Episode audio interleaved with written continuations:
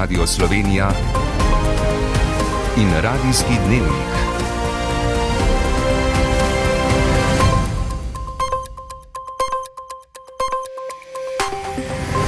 Ura je 18 in 30 minut.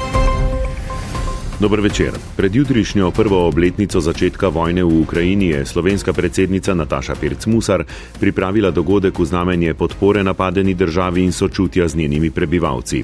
V nagovoru je označila tudi krivca za krvavo agresijo. To je vojna, ki so si jo zaželeli posamezniki pod vodstvom Putina in njegovega režima, prepričani, da s tem branijo interese svoje države. Ob tej žalostni obletnici pa so v Muzeju novejše in sodobne zgodovine odprli dve razstavi. V oddaji boste slišali še. Začasni vodja policije na mesto Boštjana Lindava, Senat Jušič. Družba hidroelektrarne na spodnji sami pozdravlja napovedano pospešitev postopkov glede sončnih elektrarn. Mariborski center za sluh in govor praznuje 60 let delovanja. Po noči in jutri bo oblačno, predvsem na zahodu, bo občasno rahlo deževalo. Z vami sva Lidija Hartmann in Gregor Budal. Začenjamo z današnjimi vladnimi odločitvami. Razrešila je vršilca dožnosti generalnega direktorja policije Boštjana Lindava in na ta položaj na predlog notranjega ministra Boštjana Poklukarja imenovala Senada Jušiča. Poleg tega so zamenjali še tri od štirih začasnih generalnih direktorjev direktoratov, Poklukar pa je dobil tudi drugo državno sekretarko, poleg Tine Heferle še Helgo Dobrin. O teh in drugih odločitvah, ki jih je danes sprejela vlada, smo se pogovarjali z Urško Valjavec. Urška menjav po dveh dneh mandata je veliko, kako jih utemeljuje minister Poklukar. To je pravica vsakega ministra, pravi poklukar, imenoval sem strokovnjake z področja notranjih zadev, dodaja. Ne, ne razumem tega, da se mi odreka ta pravica do postavitve svoje ekipe kot ministra. E, to so vsi ministri do zdaj na Ministrstvu za notranje zadeve tudi upravili. Jaz sem si pač svojo ekipo e, postavil tako, da bo uresničila cilje, katere sem, za katere sem dobil večino tako na odboru kot v državnem zboru. Minister pomislikov o Jušičevih kompetencah oziroma o njegovih domnevno pomankljivih vodstvenih izkušnjah in neustrezni izobrazbi ne pozna, pravi, da je novi šef policije doslej opravljal vodstvena dela. Glede Darka Muženiča, sicer najpogosteje omenjenega naslednika Boštjana Lindava, pa poklukar takole. A, gospod Muženič je, kot jaz vem, še vedno direktor a, nacionalnega preiskovalnega urada. A, ko bomo spremenili zakon o organiziranosti delu v policiji, a, bomo seveda v skladu z mojo zavezo razširili nabor. Odzval se je tudi Lindav, ki pravi, da je ob prevzemu verjel, da je treba policiji zagotoviti samostojnost in neodvisnost dela, zdaj pa da ugotavlja, da je v tem pogledu očitno pričakoval preveč. Spremembe se napovedujejo tudi na Radio Televiziji Slovenija. Ministrica za kulturo Asta Vrečko je pojasnila, da je bil svet zavoda oblikovan v skladu z novelo zakona o RTV, saj je bila van imenovana večina, torej devet članov od sedemnajstih. Na kaj opozarja ministrica? Da svet zaradi odločitve ustavnega sodišča, ki je zadržalo izvrševanje dela novele zakona, še ne more začeti dela. Kot je povdarila ministrica, je hkrati z oblikovanjem novega sveta aktualnemu programskemu in nadzornemu svetu mandat prenehal. Ali to pomeni, da javna RTV v tem trenutku razen vršilcev dožnosti direktorjev nima delujočih organov? Mi seveda preučujemo možnosti, spoštujemo pa tudi odločitev ustavnega uh, sodišča. Ampak po naši interpretaciji je svet bil konstituiran, ampak zaradi zadržanja zakona ne vemo, kako bi lahko začel s delom. Ministrica sicer upa, da bo ustavno sodišče čim prej vsebinsko odločilo o ustavnosti zakona. Vlada je potrdila tudi spremembo zakona, po kateri banki Sloveniji pri odrejanju predpisov o najvišji posojilni izpostavljenosti posameznikov ne bo več treba upoštevati merila o 76 odstotkih minimalne plače, ki mora ostati posamezniku po plačilu anuitete. To torej pomeni, da se obeta omilitev pogojev za kreditiranje. Ja, povod za spremembo zakona je bilo zvišanje minimalne plače, ker se z vsakokratnim dvigom minimalne plače poveča tudi znesek, ki mora kreditojemalcu stati na bančnem računu po plačilu kredita, se je pomembno znižala kreditna sposobnost ljudi. Vlada je ukrepala in predlagala novelo. Ministr za finance Klemen Boštjančič. Z danes potrjenim predlogom novele bomo tako nedvoumno omogočili, takšno izvajanje makrobonitetnih ukrepov Banke Slovenije za kreditiranje prebivalstva na katere ne bo vplivala vsakokratna korekcija minimalne plače, temveč samo neodvisna ocena regulatorja. Na Ministrstvu za finance sicer pričakujejo, da bo srednja banka po uveljavitvi zakona olajšala sedanje omejitve. Pogovarjali smo se z Urško Valjavec, ostajamo pri še nekaj drugih vladnih odločitvah. Med drugim je sprejela predloga zakonov, s katerima želi pospešiti prehod na obnovljive vire energije v končni rabi. Rešitve, ki jih vsebujeta, so tudi bogoj za črpanje evropskih sredstev. Več sprememb je v povezavi s sončnimi elektrarnami. Te bo po novem mogoče postaviti tudi ponekod, kjer so zdaj prepovedane, skrajšujejo se nekateri postopki, ponekod bo postavitev fotovoltaičnih panelov predpisana. Pristojni minister minister Bojan Kumer. Naslavlja nekatere absolutne prepovedi, vendar na drugi strani še vedno hkrati daje dovolj veliko varovalk, zato da lahko gremo po reguliranih korakih v pravo smer, kot naprimer fotovoltaika na protihrupnih ograjah, avtocest, plavajoča fotovoltaika na tako imenovanih mrtvih oziroma jezerih, ki so nastala po rodarjanju. Napovedano pospešitev in poenostavitev postopkov pozdravljajo v družbi hidroelektrarne na spodnji Savi, kjer imajo v poskusnem obratovanju največjo sončno elektrarno v državi. Ob akumulaciji brežiške elektrarne načrtujejo postavitev še ene, glede na dolgotrajne postopke najverjetneje prihodnje leto. Več Suzana Vahtarič. Največja sončna elektrarna na odlagališču sedimentov ob akumulaciji hidroelektrarne Brežice na šestih hektarjih z več kot 11200 fotovoltaičnimi paneli od decembra lani že poskusno obratuje. V nekaj mesecih pričakujejo dokončno dovoljenje, pravi vodja službe za investicije v družbi hidroelektrarne na spodnji Savi Marko Kenik. Letna proizvodnja je ocenjena na nekje 6800 MWh, kar je nekje za potrebe 1500 gospodinstv letno. Trenutno vremenske razmere dopuščajo obratovanje do 50 odstotkov nazivne moči, ki nam je uspelo že, da je obrtovala na 4 MW. Vrednost celotnega projekta je približno 4,5 milijona evrov. Uporabili so lansna sredstva, okoli 800 tisoč so pritegnili z razpisi. Z njo bodo prihranili več kot 3100 ton CO2 letno. Trenutno je največja priključena in prva priključena elektrarna na prenosno omrežje v Sloveniji. V teku so tudi postopki umeščanja v prostor za naslednjo sončno elektrarno. Ocenjena moč znaša nekje 4 MW.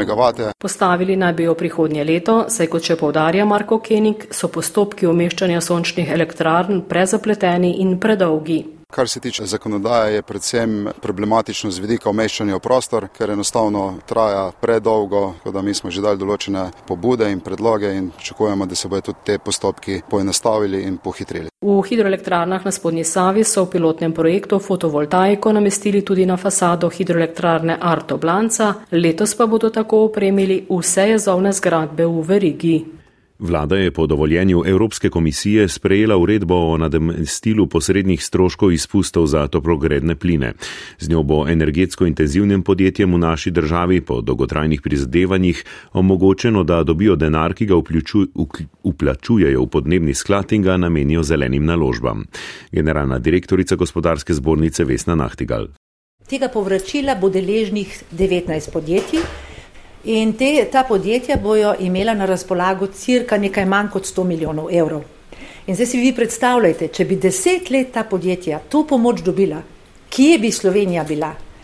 In res ni prav, da tako slabo prenašamo uredbe, ki jih Evropa nekako dopušča, ker vse to znižuje konkurenčno prednost Slovenije. Ena od strateških usmeritev gospodarstva, če želi ohraniti konkurenčnost, učinkovitost in prilagodljivost, je poleg zelene tudi digitalna preobrazba. Med drugim jo spodbuja država s sredstvi iz Evropskega mehanizma za okrevanje in odpornost. Konzorci podjetij skupine Kolektor, Domel, Špica International in Odex je za 6,6 milijona evrov vreden projekt Digitalni skok oziroma Jump pridobil sofinanciranje v višini tretjine vrednosti. Podrobnosti so danes predstavili na sedežu kolektorja v Idriji. Več ni na brus. Osrednji cilj je nadgraditi avtomatizacijo in digitalizacijo procesov ter povezati informacijske sisteme, je pojasnil vodja projekta Jump Bogo Miklavčič iz kolektorja. Pravi, vse podatke, ki jih sedaj imamo na voljo, pa jih še ne zajemamo, jih bomo s pomočjo tako imenovanega interneta stvari združili v, v enotni informacijski sistem eh, in tudi vsa ta informacijske sisteme potem med sebojno povezali. Gre za povezavo podatkovnih sistemov tako znotraj skupine kolektor kot skupci in dobavitelji. Cilj je tudi ta, da v bistvu že dobavitelji lahko iz našega sistema avtomatsko dobijo napoved, kdaj mi določene izdelke rabimo. Vse rutinsko ponavljajoče se fizično delo bi v prihodnje opravljali roboti, delavci pa bi se prekvalificirali za zahtevnejša in bolj kreativna delovna mesta. Miha Kern iz podjetja Domel. Domel ima tudi eh, ključno, eno od ključnih strateških aktivnosti nadaljni razvoj kadrov, vlaganje v kadre in v kompetence zaposlenih, ker se zavedamo, da se dogajajo kar velike spremembe ravno zaradi digitalizacije. In če je z informacijskimi sistemi že mogoče načrtovati strojno delo in materialne tokove, pa je to veliko težje pri zaposlenih. Rešitve na tem področju razvija Špica International, direktor Tone Stanovnik. Mislim, da je ključ uh, te optimizacije, da ljudje čim uspešneje, čim hitreje opravijo delo, odrinejo domov k družinam, popovdne na šport, ponovno napolnijo baterije in drugi dan z veseljem pridajo polni energije, motivacije nazaj na delo. Digitalizacija je pomembna ne le za analizo preteklih in izvajajočih se procesov, ampak tudi za predvidevanje prihodnjih dogodkov. Projekt Jump bo trajal do marca prihodnje leto. Radijski dnevnik. Predsednica republike Nataša Pirc Musar je danes v znamenje podpore Ukrajini in sočutja z njenimi prebivalci gostila osrednji dogodek ob jutrišnji prvi obletnici začetka ruske invazije na to državo. Na slovesnosti so sodelovali mladi ukrajinski umetniki, ki živijo v Sloveniji. Zbrane pa je nagovoril tudi veleposlanik Ukrajine v naši državi Andrij Taran. Slovesnost je spremljal Marjan Vešligaj. Leto dni po začetku agresije na Ukrajino spoznavamo, da je to najbolj krvava vojna v Evropi po koncu druge svetovne vojne. V vodnem nagovoru na slovesnosti v predsedniški palači smo lahko slišali podatek, da je bilo državo prisiljeno zapustiti več kot 8 milijonov ljudi. Vojna ni bila izvana in noben dober človek si je ni želel, je povedala predsednica Nataša Pirc-Musar, ki je omenila tudi krivca za njo. To je vojna, ki so si jo zaželili posamezniki pod vodstvom Putina in njegovega režima, prepričani, da s tem branijo interese svoje države. Tudi o tem, kaj so pravzaprav ti interesi, kaj je tisto, kar ogroža obstoj Rusije in njene interese, svojih prebivalcev niso vprašali. Veleposlanik Andrij Taranov se je spomnil začetka vojne, ko je bilo malo tistih, ki bi verjeli, da se Ukrajina lahko upre Rusiji. Вся наша історія готувала нас. Vsa naša zgodovina je bila prežeta z boji proti agresorjem, a Ukrajina je ostala, ne glede na to, kar so govorili zahodni eksperti in koliko časa so nam napovedovali do vzpostavitve proruskega režima v Kremlju, je dejal veleposlanik in se zahvalil Sloveniji za njeno pomoč. Za pomoč otrokom, ki so zbežali pred vojno, za humanitarno pomoč in tudi za električno energijo, ki jo je Ukrajina tako zelo potrebovala. Predsednica države se je kot mati vprašala, kaj bi lahko v desetih letih postali vsi ti mladi ljudje, v katerih življenja je posegla vojna. Omenimo še misel iz predsedničinega govora, da mirno reševanje sporov, omenjeno v ustanovni listini Združenih narodov, v tej vojni še ni dobilo priložnosti. Pred jutrišnjo obletnico vojne v Ukrajini se bomo zdaj na njo ozrli nekoliko drugače, skozi zgodbe. Različne organizacije in ustanove ob tem pripravljajo dogodke. V Muzeju novejše in sodobne zgodovine Slovenije so tako danes odprli dve manjši razstavi, ki temo osvetljujeta prek izbranih predmetov ter skozi otroške oči. Več izapevec. Nekje januarja sem sama pri sebi občutila, da se bo vojna zagotovo zgodila. Večkrat sem celo sanjala, da odhajam iz neke hiše. Tako se na razstavi Ukrajina pripoveduje, začne ena od 26 zgodb ukrajinskih beguncev oziroma begunk, saj med njimi zgolj en moški. Nekatere so vojno pričakovale, druge ne, večina pa je odhod doživela kot nujo in neizbiro. Kdaj in kako oditi in kaj spakirati? Razstava ta vprašanja osvetljuje tudi prek predmetov, ki so jih uspele vzeti seboj v Slovenijo. Kustosinja Katarina Jurjavčič. Ne gre za neke politične zgodbe visokega državnega vrha, gre pravzaprav za nas, za male ljudi, ki smo odvisni dejansko od politike in nas pravzaprav ta tudi sili v določene odločitve, ki jih sicer nikoli ne bi sprejeli. Kakšno pa je doživljanje otrok? Na razstavi Mama jasnočem vojne pred muzejem so sopostavljene reprodukcije risb ukrajinskih otrok iz časa vojne ter polskih otrok iz časa okupacije nacistične Nemčije. E, otroci rišajo tanke, letala, bojno orožje, eksplozije, goreče hiše, pa tudi upanje. Otroci torej še danes rišejo podobne motive, povdari kustosinja ob razstavi, ki je del skupnega polsko-ukrajinskega projekta 1939 do 45 Polska 2022 Ukrajina. Leto po začetku napada, ko morda naše sočutje in pozornost že upadata, je prav otroško doživljanje svojo univerzalnostjo in brezčasnostjo ganljiv proti vojni manifest. Mariborski center za sluh in govor, kjer obravnavajo gluhe in naglušne, tiste z govorno-jezikovnimi motnjami ter otroke z avtizmom, praznuje jo 60 let. Na Slovesni akademiji so povdarili izjemen strokovni napredek, izziv pa ostaja graditev novega centra. Zdaj delujejo na zgornji meji zmogljivosti, prostorsko stisko pa rešujejo sproti. Katarina Klep Črnejšek. Vzgojno-izobraževalni proces v Centru za sluh in govor v Mariboru je v tem šolskem letu vključenih več kot 300 otrok. V ambulantah dodatno upravijo še več kot 5000 obravnav letno. Število vključenih v obravnavo v zadnjih letih se je več kot podvojilo, ugotavlja direktor centra Samo Rumeš in dodaja vseh, ki potrebujejo pomoč in teh je vse več, ne moremo sprejeti. Želeli bi se, da vse otroke s posebnimi potrebami, ki danes pač zaradi naših prostorskih stisk eh, še vedno obiskujejo redne oddelke v osnovnih šolah. Po drugi strani, če govorimo pa o zdravstveni obravnavi, je dostopnost do zdravstvenih storitev v obstoječih prostorih neprimerna, ni dvigala, eh, ni klančin zato upajo, da je gradnja načrtovane nove stavbe v parku mladih, za katero si prizadevajo že več let, zdaj vendarle tik pred uresničitvijo. Denar za gradnjo, kot je zatrdil državni sekretar na Ministrstvu za vzgojo in izobraževanje Boris Črnilec, je zagotovljen v okviru načrta za razvoj in odpornost. Ali bo do leta 2026 tudi počrpan, pa je odvisno od mesta, pravi. Denar je za porabiti, zato se je rokov in terminov treba držati. Kdor bo prej začel in končal, tisti bo na najboljšem. Na potezi je torej Mariborska občina, podžupan samo Peter Medved. Mi se kako ne želimo biti tukaj tisti člen, ki ne bi svoje odigral. Eh, pred nami, kot veste, sprejetje eh, proračuna za naslednji dve leti. In seveda sem pripričan, da bomo to lahko tudi realizirali, tako kot je bilo zastavljeno. Temeljni kamen za gradnjo naj bi položili še letos. Nacionalni veterinarski inštitut je pri petih poginulih labodih v občini Cerknica potrdil ptičjo gripo. Uprava za varno hrano, veterinarstvo in varstvo rastlin, rejce perutnine in ptic v jetništvu pozivajo, da o morebitnih znakih te bolezni takoj obvestijo veterinarja.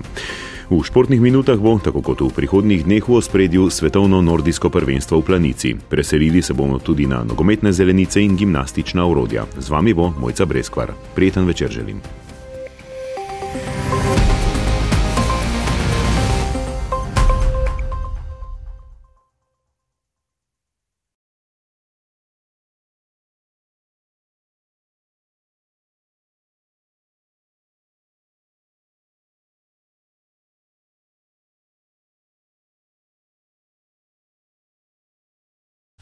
Na svetovnem prvenstvu v nordijskem smučanju v planici so znani prvi dobitniki medalj tekači v sprintu ter smučarske skakavke. Slovenski tekmovalci in tekmovalke se niso umešali v boje za najvišja mesta. Z prizorišča več Boštjan Rebršak.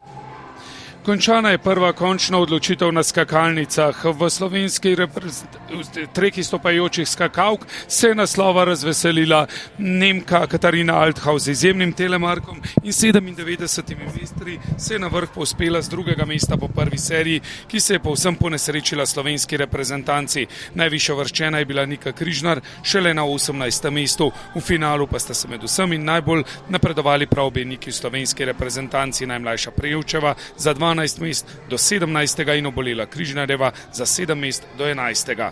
Moram reči, da eden skok ni bil najbolj perfekten, s tem, da drugi je bil veliko lepši, veliko bolj sproščen. Mislim, da sem še vsem zbrala nekaj moči na koncu in se probala zbrati naredim en lep tehnični skok.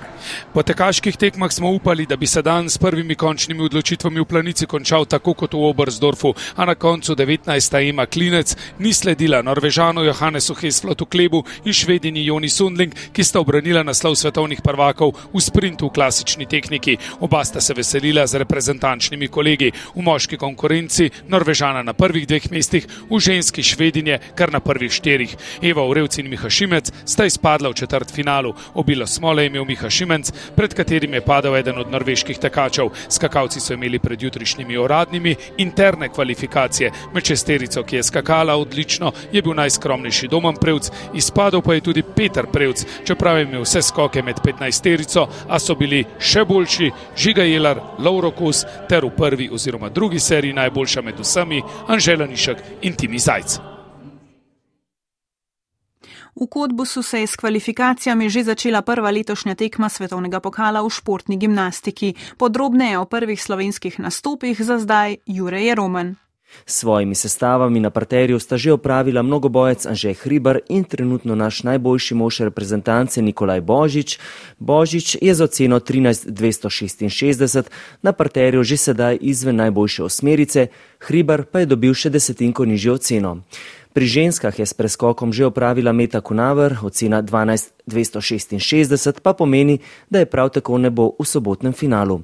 Na nekoč paradnem slovenskem orodju Tjaša Kiselev še okreva po operaciji kolena, Teja Belak pa bo junija drugič rodila, je 60 višjo oceno dobila legendarna Oksana Čusovitina. Je pa kasneje dobro na dvovišinski bradli svojo sestavo izpeljala Lucija Hribar, 13.66 pa je trenutno tretja ocena. Prav zdaj poteka zadnja tekma 23. kroga nogometnega državnega prvenstva med Domžalami in Mariborom. Obračun spremlja Marko Cirman. 58. minuta se je pravkar začela v Domžalskem športnem parku, Domžale pa vodijo proti Mariboru z ena proti nič. Edini zadetek smo videli v podaljšanem prvem polčasu v šesti minuti nadaljevanja oziroma sodniškega dodatka je Franko Kovačevič za 11 metrov premagal Ažbeta Juga, Mariborčani, ki lovijo svojo zdaj že osmo zaporedno zmago v domačem prvenstvu. So v škripcih, kajti eh, že tako ali tako so v letošnji sezoni dvakrat izgubili proti Domžalčanom, danes pa torej eh, jih čaka čaka težko delo v zadnjih eh, pol ure igre, še časa, torej, da Mariborčani najprej izenačijo in na to naredijo morda celo popoln preobrat. Domžalčani so imeli nekaj lepih priložnosti, ampak je eh, vedno znova bil až Bajuk na pravem mestu. Najlepši priložnosti pa sta zapravili, eh, oziroma zapravila pri Mariboru Brnič in pa Božič. Božič je že v prvi minuti stresel prečko domačih vrat. Torej v 58 minuti Domžale 1, Maribor nič. Večer bo v znamenju košarkarske Eurolige in nogometnih bojev za uvrstitev v osmino finala Evropske in konferenčne lige. Poslušali ste radijski dnevnik, urednica Barbara Cujnik, voditelj Gregor Budal, napovedovalka Lidija Hartmann, tonski mojster Mateusz Bitenc.